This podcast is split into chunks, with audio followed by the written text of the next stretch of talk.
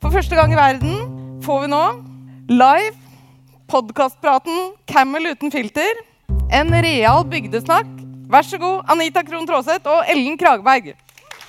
Sist vi så hverandre, da heisa du flagget på gården, gjorde du ikke det? Ja, det var en, det var en morgen der oppe i Snertingdalen, ja. Så det var egentlig en fin morgen, det. Men det, bakgrunnen for at jeg heisa flagget og ikke du, var jo at kvelden før hadde jeg vært der, og så skulle vi bake kringle, for da trengte du å lære. Og så um, trengte jeg å lære å lage espresso martini. Og da Så da kom jeg ikke hjem igjen. Så da kunne, jeg, da kunne jeg være med å heise flagget på den eh, bygdedagen dere skulle ha da på lørdag.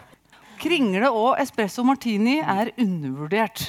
Ja, nei, for du sier det er veldig spesielt. Jeg sier det er helt vanlig. Nei.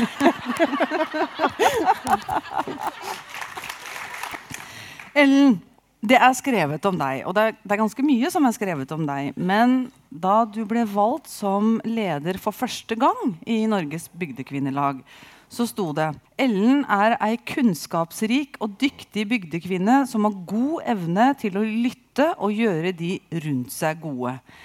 Men da du fikk tillit til enda en runde, da hadde det skjedd noe i beskrivelsen. Og den syns jeg du skal ta med deg.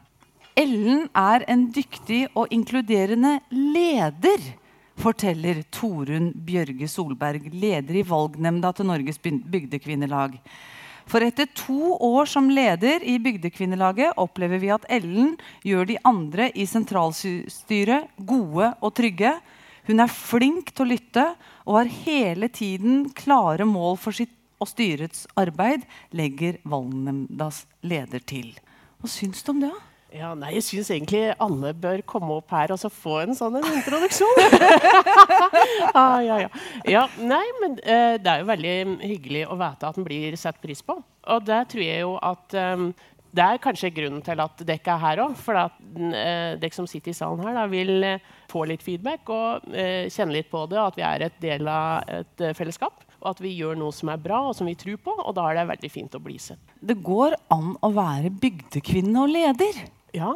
Ja. ja. det går kjempefint. Det er jo hele dette rommet her et ganske så godt uh, bevis på. Og det også å omtale dere som ledere, det syns jeg er uh, viktig. Så det var det jeg så på her, da, Ellen. Ja. Det, i, først så var du ei staut og dyktig bygdekvinne. Nå er du en leder som setter mål og retning og får andre med på laget. Mm. Og det syns jeg, synes jeg var veldig bra. Men du, vi må jo begynne litt fra starten. For du er jo født og oppvokst på en gård. Ja, det er altså på Biri. Det er jo da nede ved Mjøsas bredd, innlandets perle med det iskalde badevannet. Det, eh, det, det er veldig fint å se på, men uh, jeg personlig foretrekker 39,5 grad varmt uh, vann. Ja. da har jeg boblebadet hjemme. Mm. Men altså, du, det er nå søstera di som driver gården, ikke sant? Ja, jeg kommer fra en gard. Ja. Så jeg er oppvokst ja. med uh, saueproduksjon, uh, burhøner. Uh, og når det uh, ble slik at en måtte investere i anna burinnredning der, så um, gjorde vi ikke det. Men da gjorde vi om løshøytørka. og så tok vi inn folk som ville feste i stedet for. Oh. Ja. Så vi kasta ut hønen, og så tok vi inn Nei, kan jeg? Same, same. nei, eh, nei, vi tok inn da folk, veldig trivelige folk som ville på fest. Ikke, griser. Det var det jeg tenkte, men jeg Nei, sa jeg det? Nei. Ellen, mm. det er mer enn godt nok for dette svinet. fall. ja. Men du bor nå rett og slett på en husmannsplass? Ja. Fortell om den, da. Ja, nei, altså, Da søsteren min tok over, da, vet du, da blir han kastet ut. Så da um, Ikke hønsehuset engang? nei, nei, det, er, det ble ikke hønsehuset. Nei, det ble en husmannsplass nede i bygden. Og der har jeg, der har jeg en, uh, den gamle husmannstugga fra 1780 i tillegg til det huset jeg bor i. Og det er uh, i den gamle husmannsstua. uh, Den har jeg pussa opp sånn at uh, folk som vil overnatte, de kan komme. men de må nesten gå på beina fra Gjøvik. Det er langs pilegrimsleden. Standarden er såpass lag at det er bare de som har gått 26 km, som er veldig lykkelige. Oh. Så du driver rett og slett en liten sånn gjestevirksomhet? En bitte liten en. Ja. Forbeholdt de som går pilegrimsleden? Ja. Og da når du har gått fra Gjøvik til Biri, da kan du få dele boblebadet. Ikke nødvendigvis Med deg? Ja, ja, ja. ja, ja, ja. Åpen dør. Eh, Eller de andre du går sammen med, da. Mm. Får de kringle, da? Det gjør de. Ja. Mm. Ok, og så eh, bor du på denne husmannsplassen, men du kan jo ikke være der så veldig ofte, for du driver et utstrakt utagerende arbeidsliv. Hvordan får du dette til å henge sammen?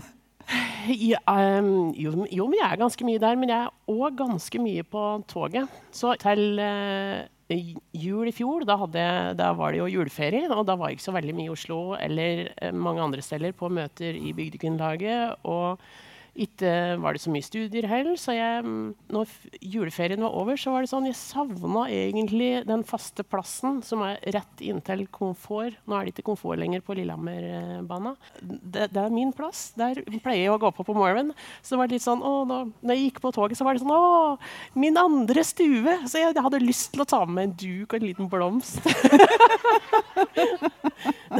så det er mm, mye Det går an å få gjort mye fint på toget. Høre på lydbok. k- Kamel uten filter, f.eks. Blir litt sånn åh.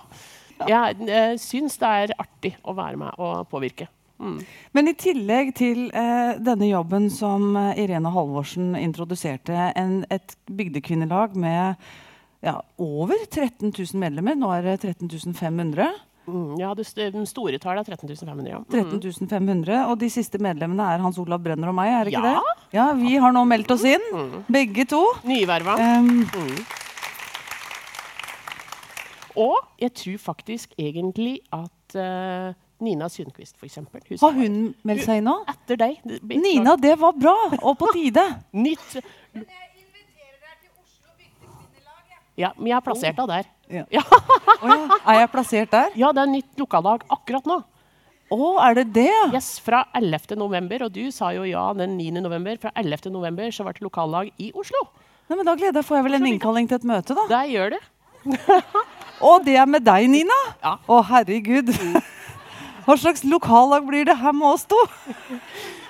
Og det er, der tror jeg nå er kanskje det er eh, ja, Nå har det eksistert da i er det 14 dager. Eh, Jeg tror det er 25-30 medlemmer i Oslo lokallag. Ja, det er Ja, for vi må inn på dette her etter hvert også, fordi at eh, landbruket er tverrpolitisk. Og det å være opptatt av landbruket, selvforsynthet og alle de verdiene som Bygdekvinnelaget står for. Og la meg bare sitere opp de fire hovedarbeidsområdene. Eh, den første er jo ambisiøse og driftige lokallag og tillitsvalgte. Så det er lov til å faktisk ville prøve å få til noe, og ikke bare drifte. Nummer to at dere skal være en tøffere forbrukerorganisasjon. Det tror jeg er viktig. Nummer tre dere skal ha gjennomslag som samfunnsaktør. Og her mener jo jeg også at nasjonen har en ekstremt viktig oppgave som de tar. Og den stemmen må dere damene som sitter her, for nå er det bare kvinnen ja, Jeg ser jaggu en mann. Um, Jeg tror kanskje det er flere her. altså. ja, det for- men hver gang hvert nasjonene ringer, så må dere ta telefonen og mene noe. Og ikke gi den telefonen over til noen andre. Dere må være kilder og intervjuobjekter. Det er utrolig viktig, altså. Og det siste som jeg syns er så fint kvinnesolidaritet uten grenser. Det forplikter, altså. Mhm. Men Ellen, Jep. i tillegg til å lede, lede Bygdekvinnelaget, så har du sånn på sånn attåtnæring, hvor du har tatt en master i innovasjon og kulturarv. Ja, det er to mastere, faktisk. Ja. To, ja. Ja, ja. Det, er eh, like så godt to. ja. ja. ja, det gjør jeg på si. Ja, det går fint. Og du er ferdig med den masteren nå? Jeg er ferdig med masteren i kulturarv akkurat nå. Ja. Ja. Og da skrev jeg eh, om eh, tradisjonsmat. Ikke så veldig rart eh, i forhold til Bygdekvinnelaget.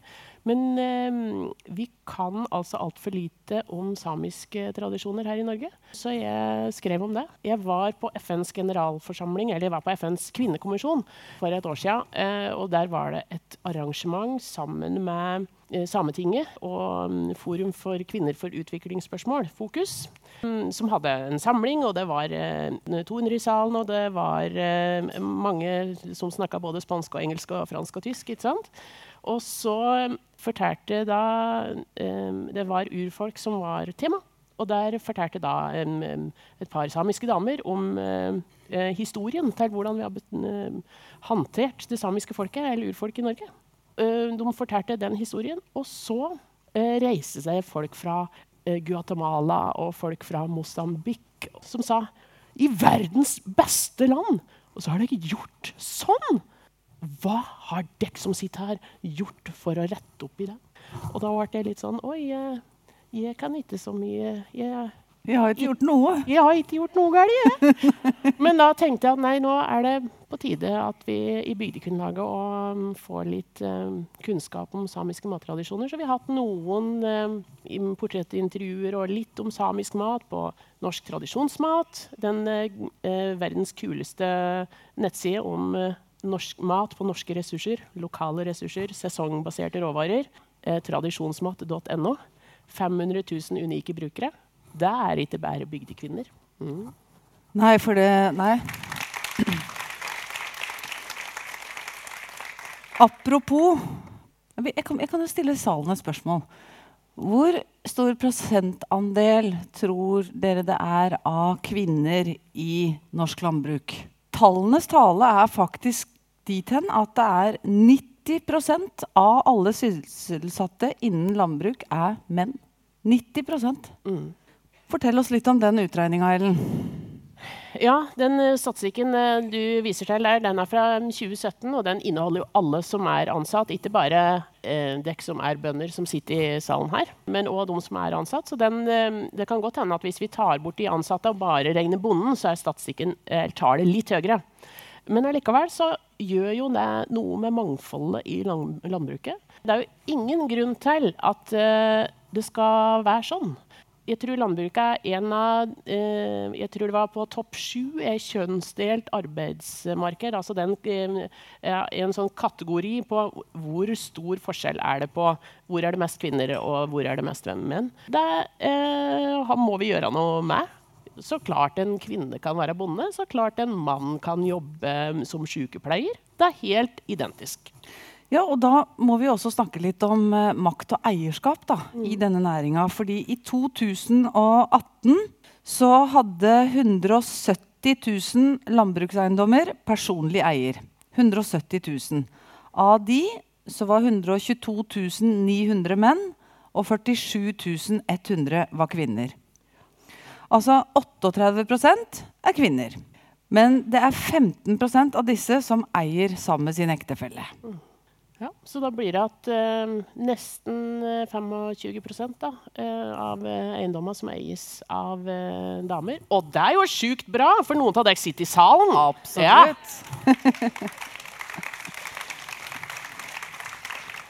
Men jeg kunne òg ønske meg at den som ikke sitter i salen, får eh, høre om det. Altså Den som har potensial til å ta over og drifte en gard, får, uh, får, litt backing på det.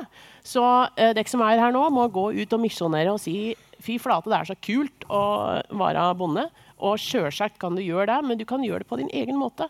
Uh, og ikke nødvendigvis putte det inn i en sånn form og si at å være bonde er å være mann og like traktor og, og synes det er skikkelig kult å være ute hele tida. Altså, det behøver ikke å være på den måten. Det kan være på en annen måte. Du kan ordne ditt eierskap akkurat som du vil, Anita. Da har du en partner som, eh, som rydder og ordner litt og uh, har inn litt kultur og sånn, så du må, anna, du må fylle på med noe annet. Ja, og jeg, jeg, vet ikke helt om, om, jeg skal anbefale den måten jeg ervervet uh, eierskap til en prestegard på. Fordi jeg fikk jo en tekstmelding av Hans Olav Brenner som jeg for øvrig da ikke kjente, aldri hadde møtt, bare som dere sett på TV. Og så um, sendte han en link da, til uh, denne prestegårdseiendommen som var for salg. Og så syntes han det var litt stusslig at uh, den skulle bli solgt som privatbolig. fordi at den presteboligen den forvalter jo rett og slett kulturarven da, til generasjoner av snertingdølinger. Nå er ikke det så mange mennesker, det er litt over 2000. Men allikevel, når disse prestegårdene forsvinner, så forsvinner også historien til bygda i, i stor grad. Så han sendte meg bare den meldingen og lurte på om jeg kjente noen som kanskje var interessert i å kjøpe. For han hadde vært med opp til 1,8. Men han var jo ute etter penger, så han, det var helt naturlig. Han sendte jo en SMS til Innovasjon Norge. Sånn er det. Men han sendte ikke til Innovasjon Norge, for de pengene hadde han aldri fått. Han sendte den til meg privat. Han Ja, gjorde det. fordi han hadde lest at, uh, i min første bok at min far kom fra Snertingdalen. Så jeg har jo tilknytning til det stedet. Så mine besteforeldre ligger jo da begravd eh, rett utenfor. Og min far gikk jo til presten i denne prestegården. Og så sendte han jo denne linken, og jeg syntes det var så nydelig. Og jeg blei litt sur på Opplysningsvesenets fond, som på en måte nedgraderer det huset til en sånn ah, fin bolig med fem eh, soverom. Ikke sant? Sier ingenting om historikken til huset, betydningen. Altså, jeg måtte jo, altså Det sto vel i sånn veldig liten skrift at det var en tidligere prestegård. Og så sender jeg den linken til mannen min. Og så sier jeg 'Se her, Knut. Det her var fint'. Så sier jeg 'Ja, kjempefint'. Kanskje vi skulle se på den', sier han. Så sier jeg 'Nei, det har vi ikke tid til. Det er 20 minutter til denne budrunden går ut'. Det er en ganske god historie, rett og slett. Men Hans Olav Brønner er jo god på historiefortelling, så han, eh, men denne har han skapt sjøl. Ja. Mm. Ja, rett og slett. Eh, og så sier jeg da til Knut at Nei, det går ikke, sier han. Vi kan ikke 20 minutter, det går ikke. Vi må se den først. Og da sier jeg Da ringer jeg til pappa. Snart 50 år og ringer min far. Og så ringer jeg pappa. Han satt hos tannlegen. Så sier jeg, 'Pappa, pappa, nå skal den gamle prestegården i Snertingdalen selges.' Nå må vi ta vare på den. Kan jeg få forskudd på arv? Er, det mulig? Er det noe som helst? Vi må sørge for at den ikke blir solgt, og det blir en campingplass eller ja, et eller annet som jeg ikke mente at det skulle være. Og så sier han, ja, når må du ha svar? «Eh, Helst nå. Og så sier han, jeg er hos tannlegen, vi må vente litt. Og så ringer altså pappa opp igjen. Og du har jo hilst på faren min. Og han er jo ikke helt vanlig fyr, Helt vanlig fyr, ikke spesielt Ja, det, man skulle jo ikke tro det. Så ringer han opp igjen, og så sier han Vi gjør det, Anita. Det er faren sin, det. Det er rollemodellen, det. Men da til poenget, når jeg da ringte faren min, og han sa det, så ringte jo jeg begeistra til min mann, Knut. Og så sier jeg, 'Knut, nå har vi fått prestegarden! Er det ikke gøy?' Og han bare 'Vi har ikke fått noen ting'. Du har kjøpt en halv gård du aldri har sett, med en mann du aldri har møtt, med penger du ikke har!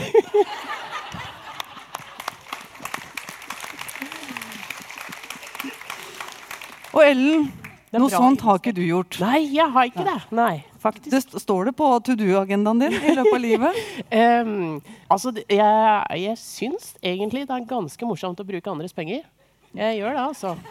Så, men jeg gjør det i mye mindre skala. Jeg er, um, uh, I tillegg til å ha sånn mastersjuken, så har jeg muggesjuken. Master- og muggesjuken? Ja, muggesjuken er Jeg er veldig glad i gammelt porselen. Norsk porselen. Eh, Figgjo eh, Figgjo-flint. Eh, Nordkappstøp. Halvlitersmugger. Det er liksom eh, Det er min Det er derfor du vil ha gjester som skal drikke, for du skal servere i muggene? Ja, ja, ja. Så jeg har altfor mye sånn, og så ser jeg noe som jeg syns er kjempefint, og så er det så fullt i alle de husa jeg har. Altså jeg, både jeg og søstera mi har muggesjuken, så vi fyller opp. Altså, um, husa hjemme, og så har vi noen stabbur, gjestestabbuer hjemme. Og så er det da mi husmannsstue, og så er det Sætra, og så er det mor sitt hus. Vi òg fyller opp. Ikke at det trengs, men vi gjør det. Men nå er det sånn at vi nå, nå driver og kjøper åt andre. Så når jeg er ute på bruktmarkedet, så går jeg rundt og tar bilder, og så sender jeg bilder til folk jeg vet liker sånn og sånn. 'Vil ikke du ha den?' sier jeg. 'Jo, jo, det vil de.' Og så kjøper jeg, da. For andres penger og tar med hjem og er lykkelig.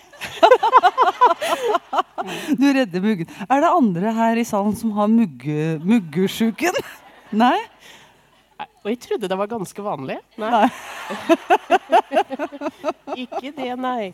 Ja, ja, ja. Ikke det, nei. Mm. Men vi må snakke litt om eh, mangfold og likeverd, eh, også i landbruket. Fordi det er skjevfordeling av makt her også. Men du har noen gode råd, du. Til eh, kvinner som ønsker seg å gjøre noe mer enn å drive gården sin, og kanskje også ta det samfunnsansvaret det er i tillegg til å drive gården sin, for det er opplagt et samfunnsansvar langt utover å tjene egne penger. Hva er det de kan gjøre, Ellen? Ja, eh, Et godt budskap eh, kan ikke gjentas eh, for ofte. Når det var paneldebatt før her i dag, så var det flere andre som var inne på det samme. Så, men jeg gjentar det. Du skal ikke takke nei til en lederoppgave fordi du vurderer at du ikke er klar, eller at du ikke er god nok. Når, fordi når folk spør deg, så har de trua på deg. Og det betyr at den eh, vurderingen der den har faktisk en verdi. Så da kan vi bare kaste til sida eh, den litt sånn eh, nedvurderende sånn, Styggen på ryggen? Styggen på ryggen, eh, sjøloppfattelsen av at, vi, at, det er noen andre som kan gjøre det eh, bedre. Det kan godt hende, men jammen meg så er dere dyktige og kan ta lederoppgaven. Så det er det første. Vi skal ikke takke nei lenger, vi skal takke ja. Særlig hvis du tenker at å, det hadde jo vært litt moro. For der skal den nemlig være. Og så eh, er det ikke nødvendig slik at du skal gi deg for da du har eh, nå, ah, nå har jeg vært leder litt, eller jeg har vært leder i lokallaget eller produsentlaget eller noe. Skal du ikke gi deg der og si at nå har jeg gjort alt jeg kan oppnå. Du skal eh, gå helt til toppen. Og i Bondelaget, da, som jeg, jeg, sitter jo i styret der, på gjensidig styrerepresentasjon, der er, de faktisk, der er damen ganske eh, gode nå på å si ja. Fra 2016 til 2019 så har altså eh, fylkeslederandelen på kvinner økt fra 17 til 33% Og det er veldig bra. Oh! Og det er 39 eh, damer i fylkesstyra, og det er 21% av lokallagsledere som er damer. Så det er eh, i Bondelaget er det i hvert fall sånn nå at det er helt ålreit eh, og helt normalt å si ja og være til stede. Og da oppdager det kanskje at sånn, for sånn som Marte som var på i stad, som sier at ja, ja, men jeg, er, systemet er ikke tilpassa den kroppen med den store kuren på magen. Men da er det jo sånn at vi må stole på den andre halvparten som har vært med og laga kulen. Og at eh, når en er to hjemme, så skal en dele på ansvaret. Det er ikke damen som har ansvaret hjemme og alt ansvaret inne. Den skal deles. Når det er dere som er bønder, så skal dere òg kunne eh, ha noen med dere som eh, kan ta ansvaret inne. Det må noen passe på. Var litt hard på det. Ja, og der har jeg gått i fella veldig mange ganger sjøl. Eh, og egentlig så er jo det en litt fornærmelse mot menn. da. Tror vi de virkelig er evneveike? Så hvorfor får jeg det behovet at hvis jeg skal være borte en uke, så må jeg passe på at ok, er det mat nok i kjøleskapet den uka? Kontroll er bra, men tillit er best. Og jeg, jeg har jo som sagt tre døtre, og en av de gikk da på første skoledag på høsten i en brun pepperkakepysj. Og det er klart det var ikke mitt stolteste øyeblikk å tenke at uh, se hun der karrieremoren der ja, sender barnet sitt på skolen i pepperkakepysj. Nei, hun har bestemt selv hva hun hadde lyst til å ha på seg. Og jeg tenkte Hvis hun har selvtillit nok til å ha på seg en pepperkakepysj på første skoledag og ikke en rosa sløyfe, så skal hun få lov til det. Hun finner fort ut av at hun har lyst til å se ut som alle de andre. Så den der individualiteten og det å slippe det og ikke tenke at de er et speil av dere, at hvor godt de oppfører seg, hvordan de ser ut, sier mer om dere. Men det sier mer om dere hvis dere slipper kontrollen. Nei, nå skal jeg gi meg, Ellen. Ta neste råd. Ja. ja. Og så Hvor var vi? Nei. Nei. Jo, det var dette med styrer og verv også. Skal vi se, da, vi, da, kan jeg krysse av den har jeg sagt. Og den neste er Den er ganske spennende. Her står det Meld deg sjøl som kandidat til styrer og verv. Har dere gjort det noen gang? Vet du hva, Det skal dere begynne med. Det er en fantastisk opplevelse bare det å si, uh, gå til en valgkomité og si du, jeg tror at jeg er god nok. Ja. Dette har jeg lyst til å gjøre. Jeg har lyst på den posisjonen. Vet du hva, det er, det er Den opplevelsen unner jeg deg. Jeg har prøvd det et par ganger. Og, og det, det har tydeligvis er, gått bra? Ja, ja, ja. Det går sjokkerende bra. altså. Men du, det er ikke bare du som har prøvd det. fordi da vi var i eh, Trondheim ja. for ikke så lenge siden, så uh, var jeg så heldig å få kunne være med deg og så dele ut prisen til årets bygdekvinne. Og hun er Karoline her, eller? Nei, hun er ikke. Men Karoline eh, Sunde eh, Storflor, mm. som eh, har egen melkeautomat på gården, og som gjør masse annet spennende. Mm. Men hennes søknad, damer, den må dere lese. Den er til inspirasjon. Første setning er Jeg vil nominere meg selv. Og så kommer det tre-fire setninger hvor det står at det har sittet hardt inne å nominere seg sjøl. Men hvis ikke jeg gjør det, så kan jeg ikke sitte og vente på at andre skal oppdage meg. Og her er argumentasjonen. Det betyr ikke at man er sjølopptatt. eller noe som helst. Det betyr at man er villig til å ta den belastningen det er. Ta på seg oppgaven, rekke opp handa, sånn at kanskje noen andre er modige. Og den, bare det at hun turte delen. Og hun vant jo! Ja, Karoline Synne Storflor eh, fra Trøndelag, avdeling Nord. Hun er jo et eh, råskinn av en bonde som også er innovativ. og hun skapte sin egen arbeidsplass. Hun var sykepleier. Drev litt med inn på tunet, men det var ikke nok for at hun kunne tjene egne penger hjemme, hjem på gården. Hun gjorde noe med distribusjonsordningen på mjølka som de produserte. Hun tok av den. Hun sa jeg vil ikke sende den uh, fra meg.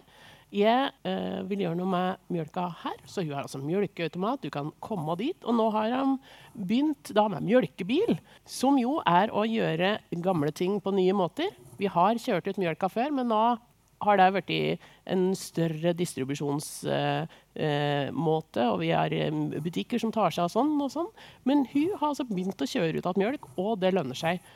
Hun prøver noe annet. Det er veldig bra. Utrolig bra.